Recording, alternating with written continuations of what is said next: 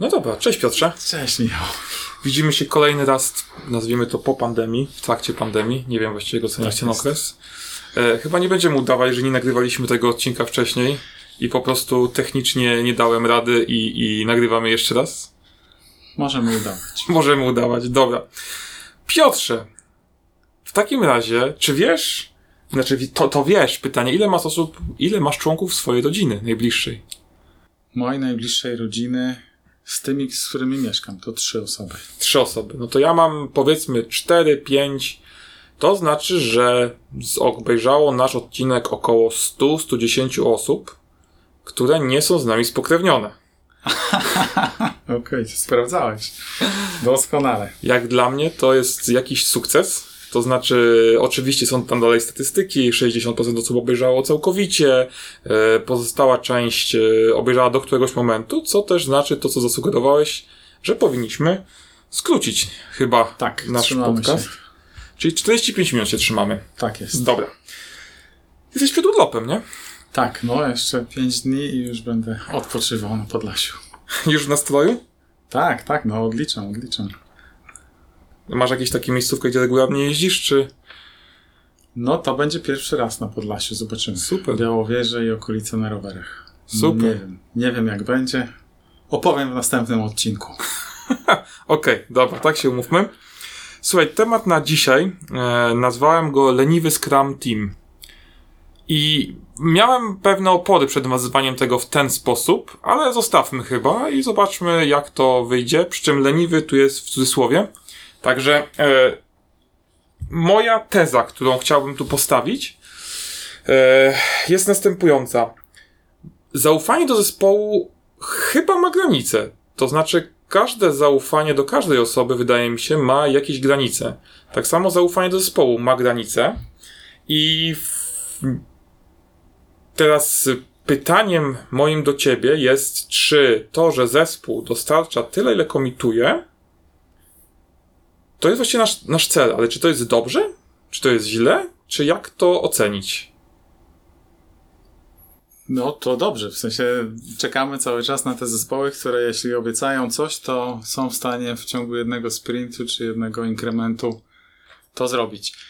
Bardziej pewnie pijesz, jeśli to jest regularnie, jeśli zawsze Tak. dostarczają wszystko i jest taka rola Scrum Mastera w tym, żeby podnosić ambicje. To jest ten taki środek, który bardzo ciężko y, przełożyć na jakieś konkretne pytania albo zachowania.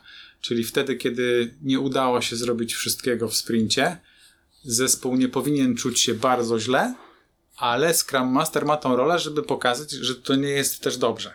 Czyli nie tak, że nic się nie stało, ale nie jest to dramat i nie szukamy winnych i nie, nie, nie będziemy się biczować. A wtedy, kiedy za każdym razem dowozimy wszystko, no to teraz jest rola Scrum Mastera, jak, jak to pokazać, żeby spowodować troszeczkę więcej ambicji na następny sprint. Czyli wtedy, kiedy na retrospektywie mamy bear down chart i pierwszy, drugi, trzeci, wszystkie są przepiękne, no to teraz w jaki sposób y, tą motywację facylitować, żeby kolejny sprint planning miał ten jeden story point więcej, czy jedną historyjkę więcej, czy, czy, czy możemy zrobić coś jako, nawet na ryzyku, skoro, skoro niedowiezienie nie jest wielkim dramatem, spróbujmy za, e, dołożyć coś więcej w sprincie i zobaczymy, czy się uda. I będziemy mogli o tym porozmawiać na retrospektywie, nie? Czyli jest ta rola takiego nie wyciągania na siłę, ale troszeczkę pod, pod, podnoszenia emocji w zespole, czy jesteśmy w stanie zrobić jeszcze więcej. Albo pomóc innym, albo pracować lepiej, jeśli mamy pomysł na retrospektywie, który powinien zaowocować, zaowocować lepszą współpracą, no to być może dzięki No. temu od razu w tym sprincie możemy zrobić jeszcze coś więcej.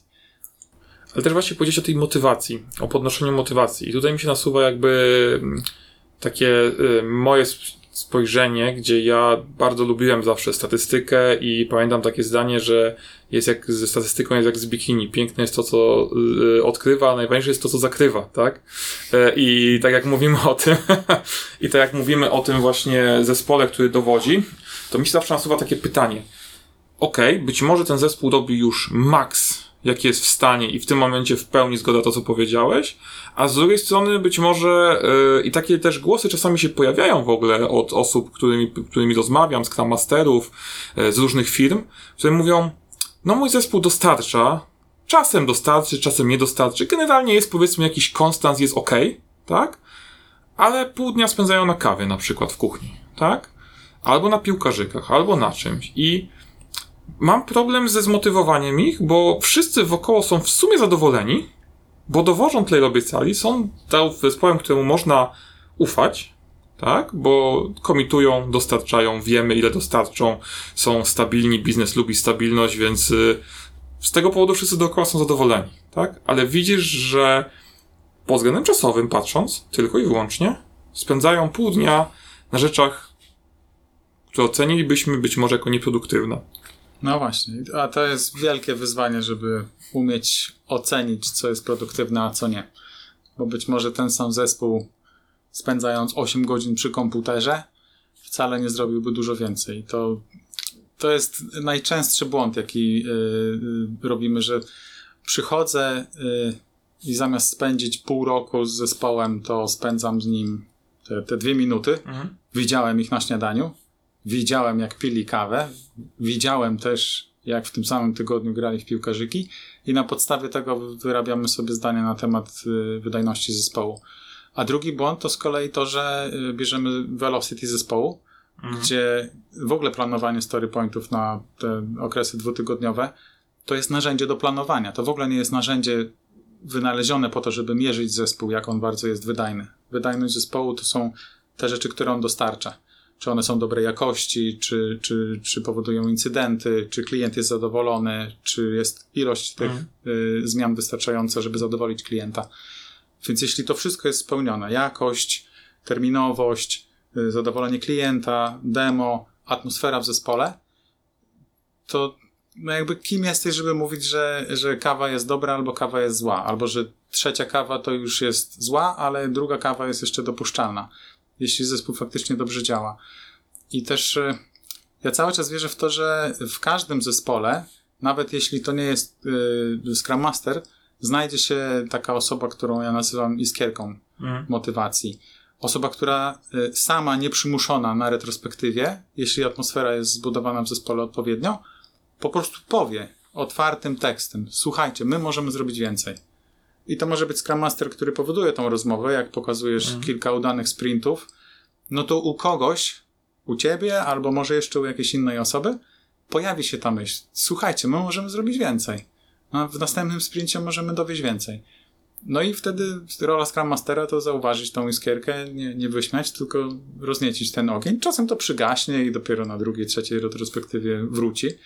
Natomiast to jest ten sposób, żeby nie być żandarmem, nie odliczać ludziom czasu na śniadaniach.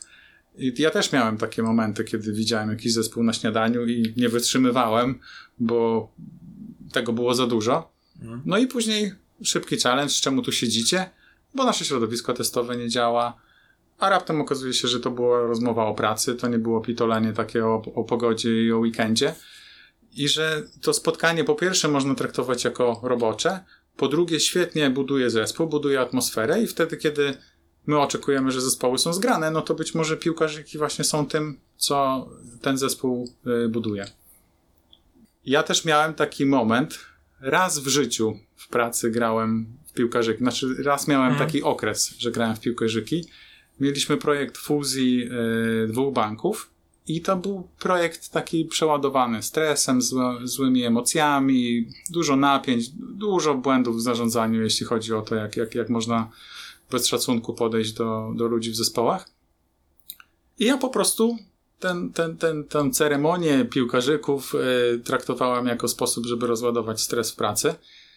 I bolałoby mnie, gdyby ktoś powiedział, że tracę czas. Bo ja mhm. byłem bardzo produktywny i nawet może dawałem po sobie jeździć bardziej niż, niż wypada. Dzięki A temu. później grałem sobie w tak. piłkarzyki z kolegami i mogłem się rozładować, pośmiać się, strzelić cztery gole i miałem czas na pracę po lunchu, żeby znowu być wydajnym. I teraz dyrektor, który by przyszedł i powiedział Piotr, widziałem ciebie jak grałeś piłkarzyki, a mogłeś być przy komputerze, no to by jakby skrzywdził, obniżyłby moją motywację, a nie wiedziałby o tym, no miałby dobre intencje. Przyszedłby i powiedział, moi ludzie dostają pensję za to, że grają w piłkarzyki, tylko to trzeba spędzić z kimś pół roku, żeby wiedzieć, jak ta motywacja faluje, jak, jak ona faluje w ciągu dnia, jak faluje w ciągu tygodnia, jak faluje w ciągu sprintu jest tak, że ci się chce i potem zależy jaki masz początek dnia, taki, taki jest koniec. I, I jak ktoś cię rano zmotywuje, to ci się chce do końca dnia. Jak ktoś cię rano zdenerwuje, to już czekasz tylko, żeby wyjść z pracy. I to się zmienia. Jutro może być inny, następny sprint może być inny, więc dlatego motywacja zespołu jest ważniejsza niż potem odliczanie pojedynczych story pointów albo wypitych kaw, albo minut na lunchu, bo to, to nie powoduje dowożenia większej wartości dla klienta.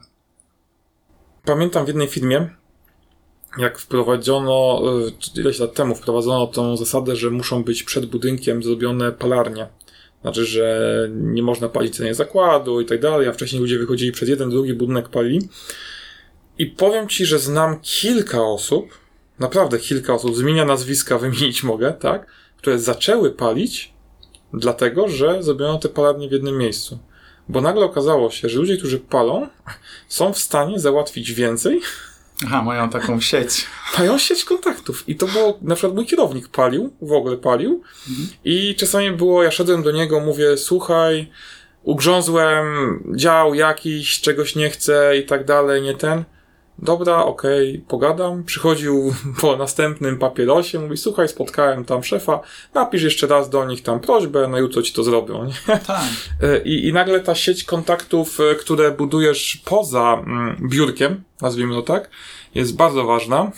E, zresztą mam mój bardzo dobry przyjaciel, on zawsze nazywa siebie, że jest niesamowicie leniwym programistą i uważa to za wielki atut, bo mój programista musi być leniwy, bo sobie znajduje najlepsze rozwiązania ja nie jestem programistą, nie mam takiego doświadczenia. E, I on mówi, ale wiesz Michał, ja są dni, gdzie ja przez cały dzień napiszę może dwie linki kodu, tak?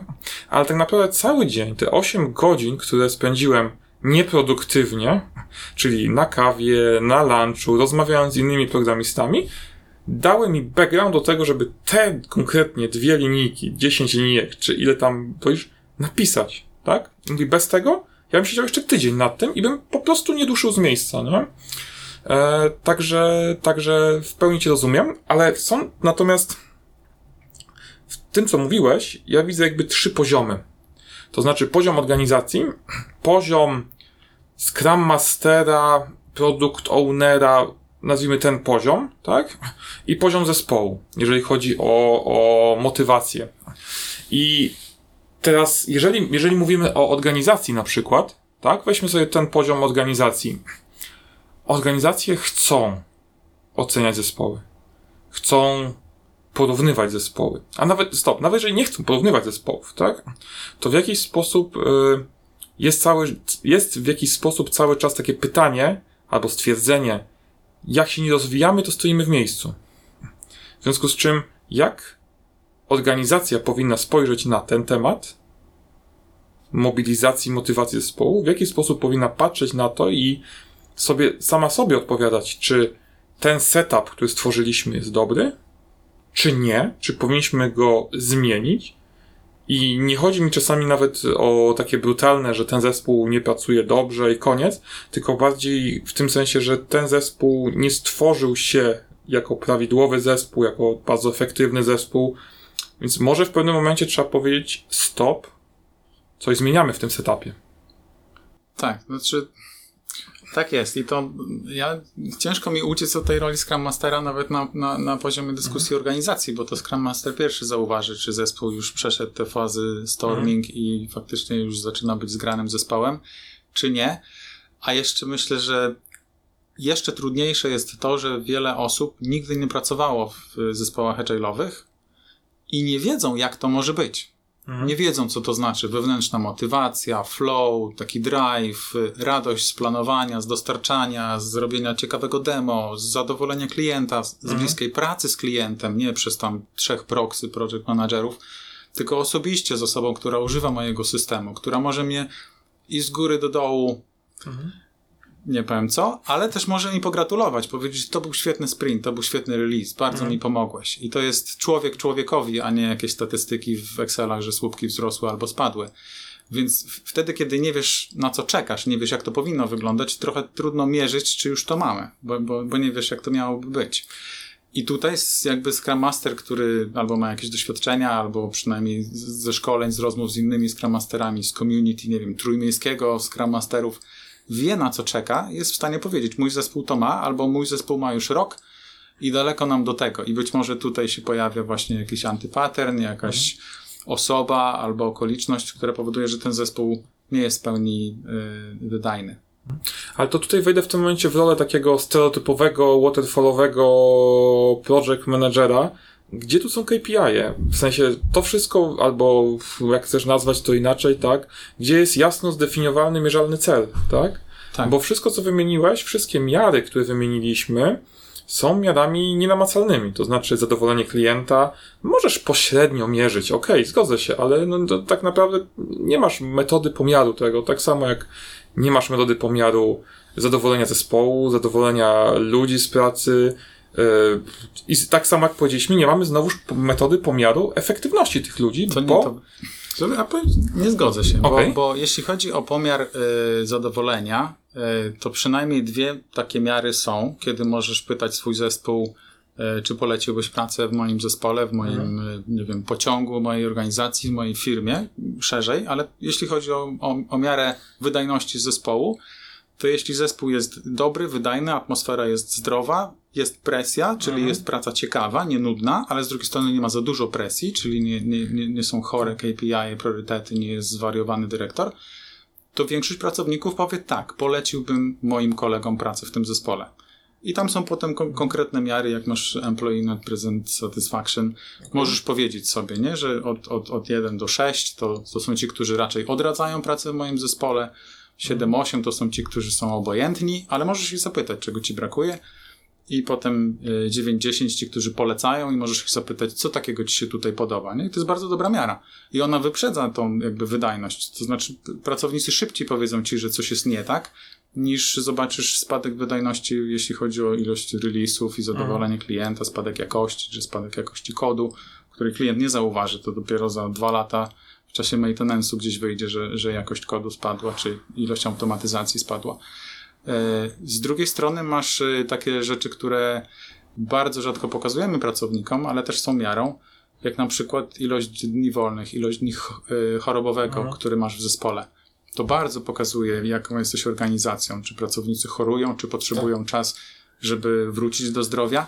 Nie można tego pokazać jako miary, bo wtedy raptem każdy czuje się zobowiązany nawet w czasie choroby przyjść do pracy, no bo skoro to mierzymy, no to chcemy, żeby tego unikać. To jest ten KPI taki negatywny. Tak. Więc wiesz, nie możesz jakby o tym tak wprost rozmawiać, ale jako lider możesz popatrzeć sobie na dwa zespoły, w którym w jednym jest dwa razy więcej chorób niż w drugim. To jest pytanie, co tam się dzieje? Dl- Dlaczego ten zespół jest taki chorowity? Co, co powoduje, że tyle czasu potrzeba na do- dojście do siebie i, i do pełnej wydajności, nie? Do, do, do tej gotowości, żeby przyjść do pracy. A potem dopiero masz te miary takiej wydajności, że faktycznie coś dostarczamy. I ja jak się zastanawiałem, y, no bo nie można mierzyć story pointów, nie można mierzyć ilości historyjek, można mierzyć czas. I to jest też, nie? Jak, jak, jak długo potrzebujemy, żeby zamknąć pojedynczą rzecz, jak szybko między pomysłem a dostarczeniem zmian dla systemu. Natomiast tam jest wiele aspektów. Wydajność zespołu to jest tylko jeden z tych Tak, aspektów, tak. bo to jest bardzo długi proces i wiele zespołów, wiele Jest to procesów. powtarzalny produkt, który dostarczamy. Tak, więc, więc, ale to też jest coś, co można mierzyć, nie? To można sobie mówić, produktywność nam wzrasta, bo pojedyncze historyjki, pojedyncze feature'y, pojedyncze release'y zajmują nam mniej albo więcej czasu. E, co się pewnie też przekłada na jakiś tam średni budżet, ilość, ilość roboczo-godzin spędzonych na dany release. Czy one są coraz, coraz szybsze, coraz tańsze, coraz szybciej odpowiadamy na potrzeby klienta. Jak jest zadowolony, no to jest ta miara jakości. Ale są też takie badania, które mówią, no to jak zdefiniować wartość, nie? Bo chcielibyśmy mierzyć, ile, ile zespół, taki Scrum Team, ile on wartości y, generuje. I widziałem ostatnio taką piramidę y, wartości, jak można to mierzyć. Mhm. Poczynając od takich prostych rzeczy, że funkcja jest albo nie jest, działa albo nie działa, raport się wyświetla albo się nie wyświetla, aplikacja jest dostępna albo nie jest dostępna, poprzez wszystkie rzeczy związane z y, estetyką, to, to, to co ym, wszyscy designerzy, jeśli chodzi o interfejs użytkownika. Aplikacja Tak. jest, ale jest ładna. Aplikacja jest, ale się łatwo używa. Jest i jest szybka. E, Potem wszystkie emocje, które są związane z aplikacją, że, że aplikacja albo nasz produkt powoduje w nas e, radość, motywację, inspirację. E, I to też jest dalej wartość, nie? To jakby to, że funkcja działa, to ona jeszcze może powodować jakieś emocje. Potem są wartość, która y, ta taka szeroka wartość, taka trochę transcendentalna dla świata, dla dobra, dla, dla społeczeństwa. Są firmy takie, y, to akurat był przykład z y, Safe Summit. Firma, która, jeśli kupisz moją parę butów, to my jako firma y, komuś ubogiemu damy drugą parę butów za darmo. Ta para butów jako wartość to jest po prostu, to są zwykłe buty. Wiele takich butów można kupić, ale jak kupię tą konkretną parę, to robię coś dobrego dla świata. I to jest ta wartość, którą dostarczasz dla klienta. No i teraz, jak całą tą piramidę tych wszystkich aspektów estetyki, emocjonalności, wydajności, emocji, transcendencji, pełni świata ująć wiesz, w Velocity i Scrum Teamu. Tego się nie da zrobić, dlatego to jest trudna miara. Ile ten zespół produkuje wartości i czy produkuje coraz więcej, czy coraz mniej, jak to przeliczyć na złotówki. I dla mnie to jest takie zadanie niemożliwe do wykonania. Jak nie masz zaufania, że klient definiuje backlog i zespół dostarcza backlog i starcza pieniędzy, żeby klient był zadowolony, zespół wykonuje swoje prace z należytą dbałością o jakość i na czas, no to właściwie to już masz to. To jest dokładnie to, na co czekałeś. To jest to, co wiele razy nie udaje się w dużych projektach, kiedy projekty są po czasie, z dużo większym budżetem, albo dociskamy śrubę, wypalamy nasze y, zasoby ludzkie, naszych pracowników i gdzieś tam na końcu oni albo chorują, albo zmieniają firmę, albo uciekają z naszego projektu, albo cierpi jakość, bo projekt był na czas, a potem się sypie cała masa różnych małych zmian maintenance'owych, upgrade'ów, rzeczy, których nie zdążyliśmy zrobić, bo już zapadła klamka, że musimy się wdrażać, bo już jest koniec projektu. I, i ten układ taki transparentny, back- backlog, klient, priorytety, krótkie sprinty, demo, szybki kontakt, no to no on jest już o, o, o wiele lepszy. I teraz ta pokusa, żeby to jeszcze bardziej mierzyć, jeszcze bardziej dokręcać śrubę, żeby jeszcze mniej było kawy, mniej piłkarzyków, więcej pracy, jeszcze więcej, nie wiem, feature'ów za dolara. To dla mnie to jest zgubne. To można skrzywdzić zespół, ale wtedy śledzisz te miary. Czy się pochorowali, czy polecają twoją firmę nadal, czy atmosfera w firmie jest dobra. Bo nie wiemy, co robią te wszystkie rzeczy, które jest pandemia. Wiele zespołów, które normalnie piło kawę o poranku, nie może tego zrobić. I one przechodzą w tą strefę wirtualną, jest virtual coffee i, i czasem to jest raz w tygodniu, czasem to jest raz y, na, na dzień. No i teraz jedne zespoły mówią, że to jest bez sensu, nic nam to nie daje. Czy ja tam muszę chodzić w ogóle? Czy to jest spotkanie obowiązkowe, czy, czy to jest dla wolontariuszy? A drudzy siedzą 15 minut i jeszcze chcieliby posiedzieć dłużej i to spotkanie się wydłuża. No i pytanie teraz, to była strata czasu?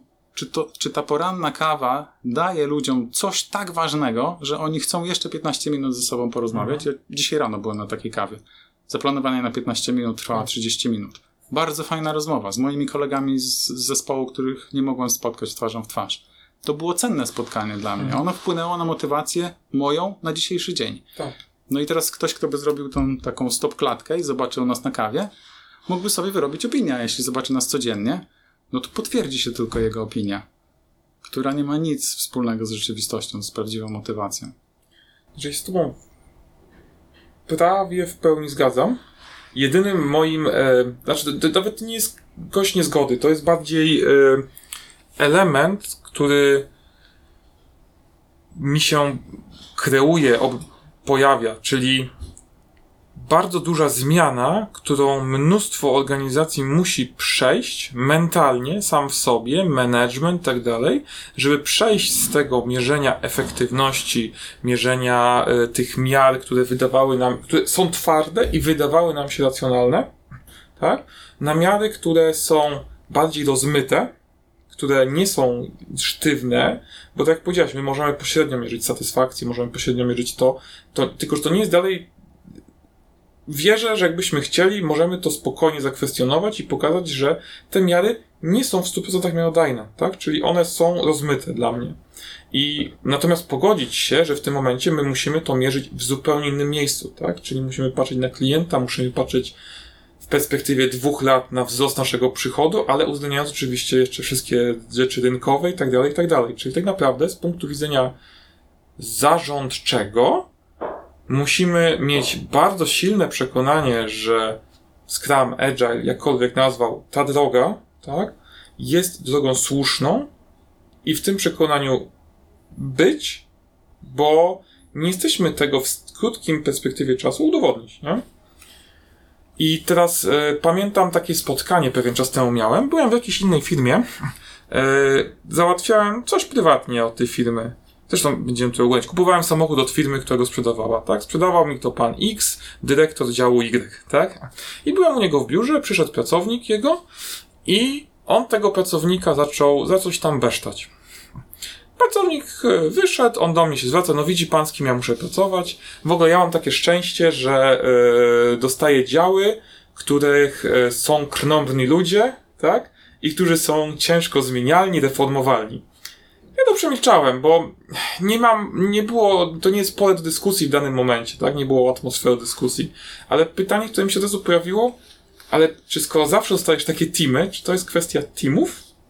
Tak? To jest kwestia Tak, ciebie? twojego podejścia do ludzi. I tak samo patrzę z punktu widzenia organizacji. Odejście teraz, jeżeli my produkujemy od 200 lat, tak? To, co chyba ostatnio też poruszyłem, jak rozmawialiśmy, wagi, tak? I świat się zmienił. I teraz, jeżeli kupujesz, robisz wagi, które mają być na produkcji, no to już nie jest urządzenie, które e, kiedyś było z odważnikami, potem było cyfrowe, czyli trzeba było na nim stanąć, wyświetlał wagę, pracownik zapisywał to w zeszycie, tak? Teraz oczekiwanie jest, że ta waga będzie podłączona do wszystkich systemów produkcyjnych, w związku z czym weszli ci ci to skalanie bosce, ci programiści, tak? I teraz mając piękne, sztywne KPI dla wszystkich, dla produkcji, dla ilości blach, która ma być przetworzona, dla ilości śrubek, normy, normatywy i tak dalej, i tak dalej, nagle dostajesz taki dział i słuchasz nas, słuchasz ciebie, tak? Gdzie mówimy, hej, nie pomierzysz tego w ten sam sposób. Nie próbuj, bo to jest nie tędy droga, nie? I to się wydaje niesamowitym challenge'em, moim zdaniem, dla organizacji, z punktu widzenia organizacji, żeby przeskoczyć to. No, mnie ciekawi, bo to porównanie do produkcji przecież cały czas działa też w IT. Tam, gdzie chcemy, żeby działał flow, gdzie chcemy eliminować wszystkie opóźnienia, że będziemy identyfikować sobie, gdzie jest wąskie gardło. Przecież to się zaczęło z produkcji. To właśnie stamtąd Tak. pochodzi.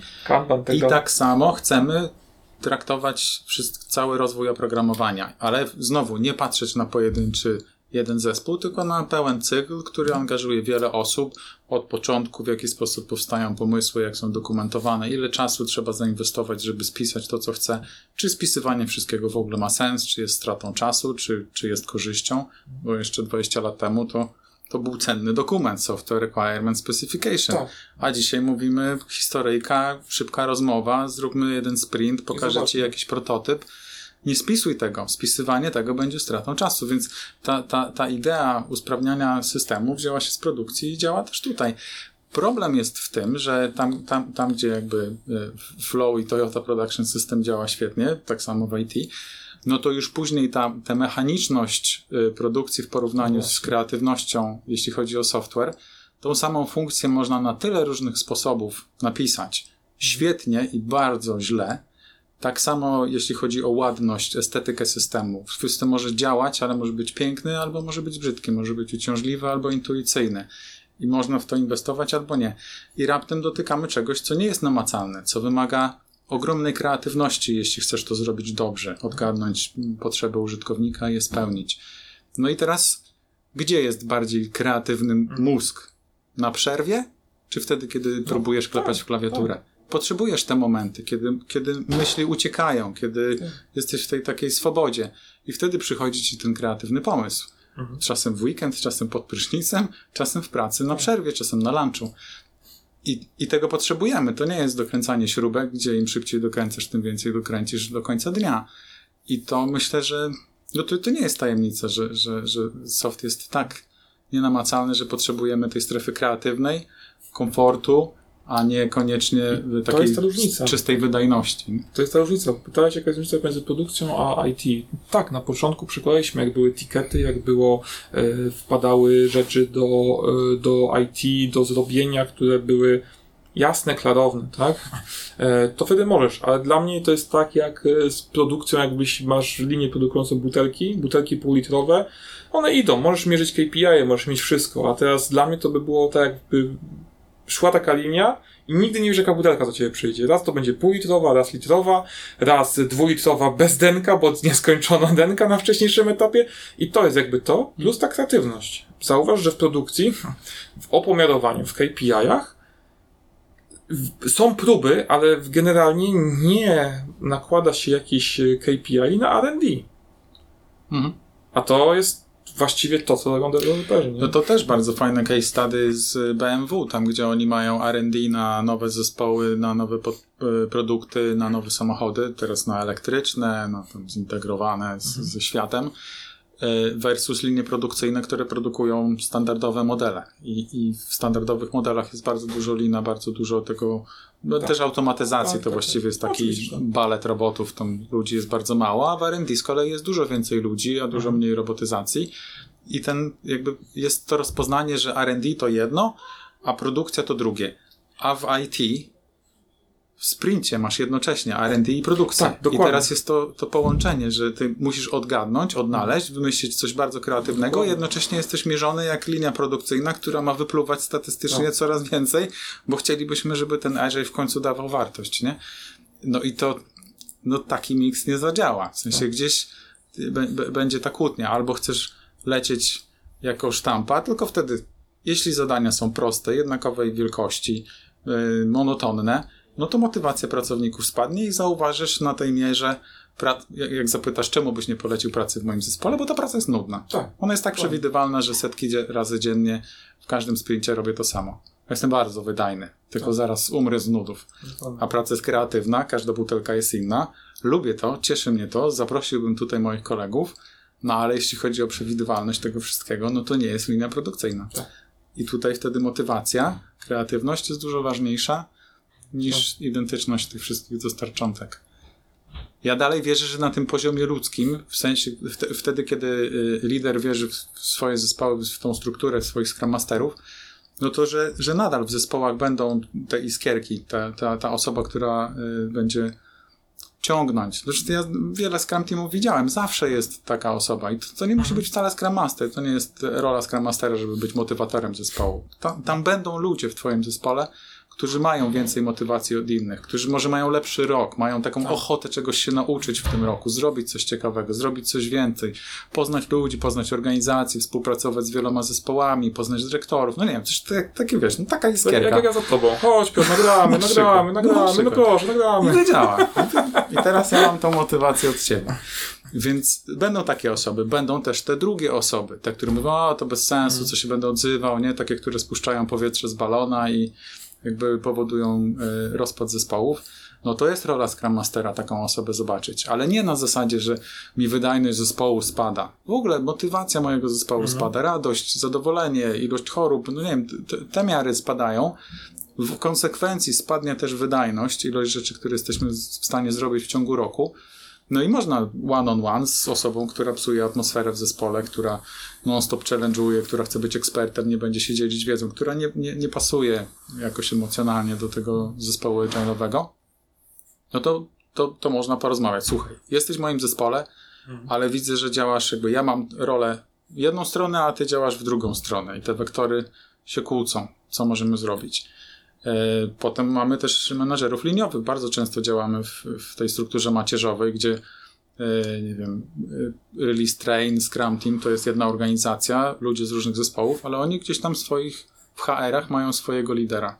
Można o tym rozmawiać. Ta osoba jest zdemotywowana. Ja robię wszystko, co mój Scrum Team potrafi zaoferować i to nie wystarcza. Ta osoba jakby dzia- działa na niekorzyść. I to nie znaczy, że kogoś trzeba zwolnić, ale też są tacy ludzie, którzy z przyjemnością popracują sobie w spokoju, bez żadnego Scrum Teamu, bez żadnych sprintów, jako ekspert, jako konsultant. Może znajdziemy takie role w organizacji, gdzie ta, ta osoba będzie przeszczęśliwa. Ona będzie polecać innym kolegom pracę, a niekoniecznie w Scrum Teamie. Więc to też można rozpoznać. I tu jest rola Scrum Mastera, żeby znaleźć i iskierkę i tego w cudzysłowie psuja, który, który po prostu nie do końca czuje się dobrze w tym układzie agile'owym. I tu w pewnym, pewnym sensie przyszedłeś do pytania, które już na koniec chciałem Ci zadać, o, o Scrum Mastera i o to, w jaki sposób on motywuje zespół. Przy czym od razu powiem, o co mi chodzi. Wydaje mi się, że z rozmów z Tobą, z rozmów z innymi, z takiego mojego spojrzenia, I to, co zresztą dzisiaj mówiłeś, ani razu nie padło hasło zróbmy team building, zróbmy coś, zróbmy, wiesz, ale bardzo często jest tak, że jak nawet ktoś do mnie dzwoni, tak, ja mam jakieś doświadczenie jako lider już, tak, to nie jest może jakieś długie, pracuję jako kierownik projektów od, nie wiem, 6, 8, od 8 lat, tak, więc 8-letnie doświadczenie jakieś mam. Są ludzie, którzy znajomi, którzy zostali dopiero liderami zespołów w jakiejkolwiek formule to jest. Oni mówią, Michał, jak mam zmotywować mój zespół? I oni oczekują rad typu zrób team building z takimi ćwiczeniami, e, z takim czymś, a ja mam takie poczucie, że to nie jest droga motywacji. To są fajne narzędzia, tak? Wspomagające, ale nie tak budujesz motywację zespołu. No to zależy, gdzie twój Scrum Team jest. Jak, jak, jak jest e, zupełnie nowy zespół, no to on będzie przechodził te wszystkie fazy Takmana. Przecież to Mhm. tam No, 40 tak, lat temu tak, opisane, oczywiście. że, że będzie taka faza, kiedy patrzymy na siebie i wszyscy cieszymy się, że jesteśmy razem i jesteśmy Mhm. dla siebie mili. Potem będzie ta faza, kiedy skaczemy sobie do oczu i Tak. szukamy, kto tu jest liderem, kto jest najbardziej doświadczony.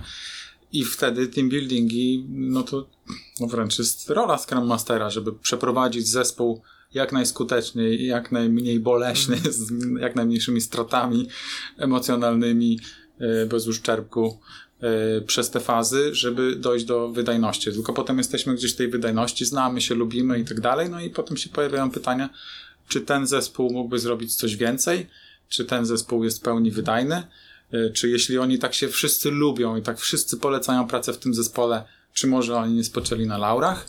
I tam się pojawiają te, te wątpliwości. Myślę, że ten początek jest taki dosyć oczywisty, że każdy zespół będzie oczekiwał wsparcia i, i jeśli no, masz doświadczenie w budowaniu zespołów, no to wtedy Scrum Team szybciej dojdzie do tej fazy, e, że, że zespół jest wydajny. Wtedy, kiedy nie masz, no ja nawet widziałem Scrum Masterów, którzy spowalniają tą fazę, sami jeszcze tam dosypują piachu między te wszystkie No. zębatki i też mają swoje ego i, i byli project managerami, teraz uważają, że dostali z dużego projektu mały Scrum Team i oni potrzebują jakby mentalnie oswoić się z tą rzeczywistością i oni też mają tą fazę taką y, żeby dojść do wydajności, nie? żeby wejść w swoją rolę i, i faktycznie być pomocnym dla zespołu, a nie koncentrować się na siebie i na swoich stratach, jeśli chodzi o karierę. To, to też są takie przypadki. Natomiast no, rola Scrum Mastera przeprowadzić przez tą fazę szybko i potem wtedy, kiedy masz zgrany, wydajny zespół, który ufa sobie, szukać, gdzie, gdzie są te rzeczy, które nam dodają skrzydeł, które nam pomagają. I to może być właśnie automatyzacja, różne procesy, dodatkowe środowiska testowe, to, to co zespół zgłasza. Jakbym tylko to miał, to po prostu byłoby tak szybciej, tak lepiej. No i organizacja czeka na to, nie? Bo to jakby w, w organizacji, w której dostajesz non-stop taki feedback, że to może być lepiej, to może być szybciej, potrzebuję tego i tego i tego i będzie jeszcze szybciej, jeszcze więcej. No to kto by pytał, czy te zespoły na pewno są wydajne? Kiedy zespoły krzyczą do ciebie, możemy być bardziej wydajne, tylko potrzebujemy jeszcze tutaj automatyzacji testów. I będziemy bardziej tak. wydajne. My nawet, nawet to wiemy, nawet czujemy to, nie? Więc to no wydaje się to piękny układ. Też dla dyrektora, nie? Który zamiast męczyć się, czy moje zespoły robią to, co mają robić, dostaje feedback taki wprost. Zrobiliśmy to, możemy zrobić jeszcze więcej. Potrzebujemy tego i tego, kiedy możemy to dostać. No to marzenie. To zarządzanie takimi zespołami, które mają ten wewnętrzny drive. Ale wymaga zaufania, no bo to się nie pojawia wtedy, kiedy je- jest mikromanagement, kiedy nie chcesz oddać y, tej władzy, kiedy oczekujesz statystyk, no to w jakiś sposób od razu poślecasz ten proces, który on naturalnie zachodzi. Większość ludzi jest zmotywowana. Większość ludzi idzie do pracy, żeby zrobić coś ciekawego. Nie- Niewiele osób chodzi do pracy, której nie lubi, która, w której się nudzi, w której się nie rozwija i nie chcą z tym nic zrobić. To też może taki aspekt jest, nie? Że, że jak popatrzysz sobie na pojedynczy dzień pracy i na godziny, jak, jak skacze nasza motywacja o poranku, spada koło lunchu, może się pojawić po południu, a czasem się już nie pojawi. I tak samo w ciągu tygodnia, tak samo w ciągu roku, no to dostajesz Scrum Team i teraz bardzo rzadko mamy tą rozmowę, skąd przyszliśmy. Mhm. Jakie było twoje ostatnie zadanie? Jaki był ostatni twój przełożony? Jaka była, nie wiem, firma, no, nowo zatrudniony pracownik? Czy ty jesteś w tym momencie, że jesteś tak podniecony nowymi zadaniami, że będziesz dodawał skrzydeł? Czy ty jesteś w tym momencie, kiedy jeździli po tobie przez rok? W ostatnim projekcie było Mhm. dociskanie śruby, ostatni przełożony, ostatnia firma taką miała kulturę? I ty jesteś w tym momencie, że w końcu liczysz, że ktoś ci da spokój, że, że będziesz miał czas na dojście do siebie. I to jest zupełnie inny pracownik. Jeden i drugi ma do tego prawo. Jeden Tak, i drugi tak. jest człowiekiem i jeszcze ma swoje życie rodzinne i problemy, które mogą wpływać na jego motywację. No i teraz zamiast liczyć story pointy, to może taką rozmowę trzeba by było przeprowadzić z nowym Scrum Teamem. Tam, gdzie już mamy trochę szczerości, jakoś tam otwartość team building zrobione, no to żeby sobie powiedzieć, czego potrzebujesz. Nowych wyzwań czy spokoju? Oddechu czy przyspieszamy? I każdy będzie w innym miejscu. No to teraz porozmawiajmy jako zespół. Część z nas chciałaby robić więcej, część z nas potrzebuje oddechu.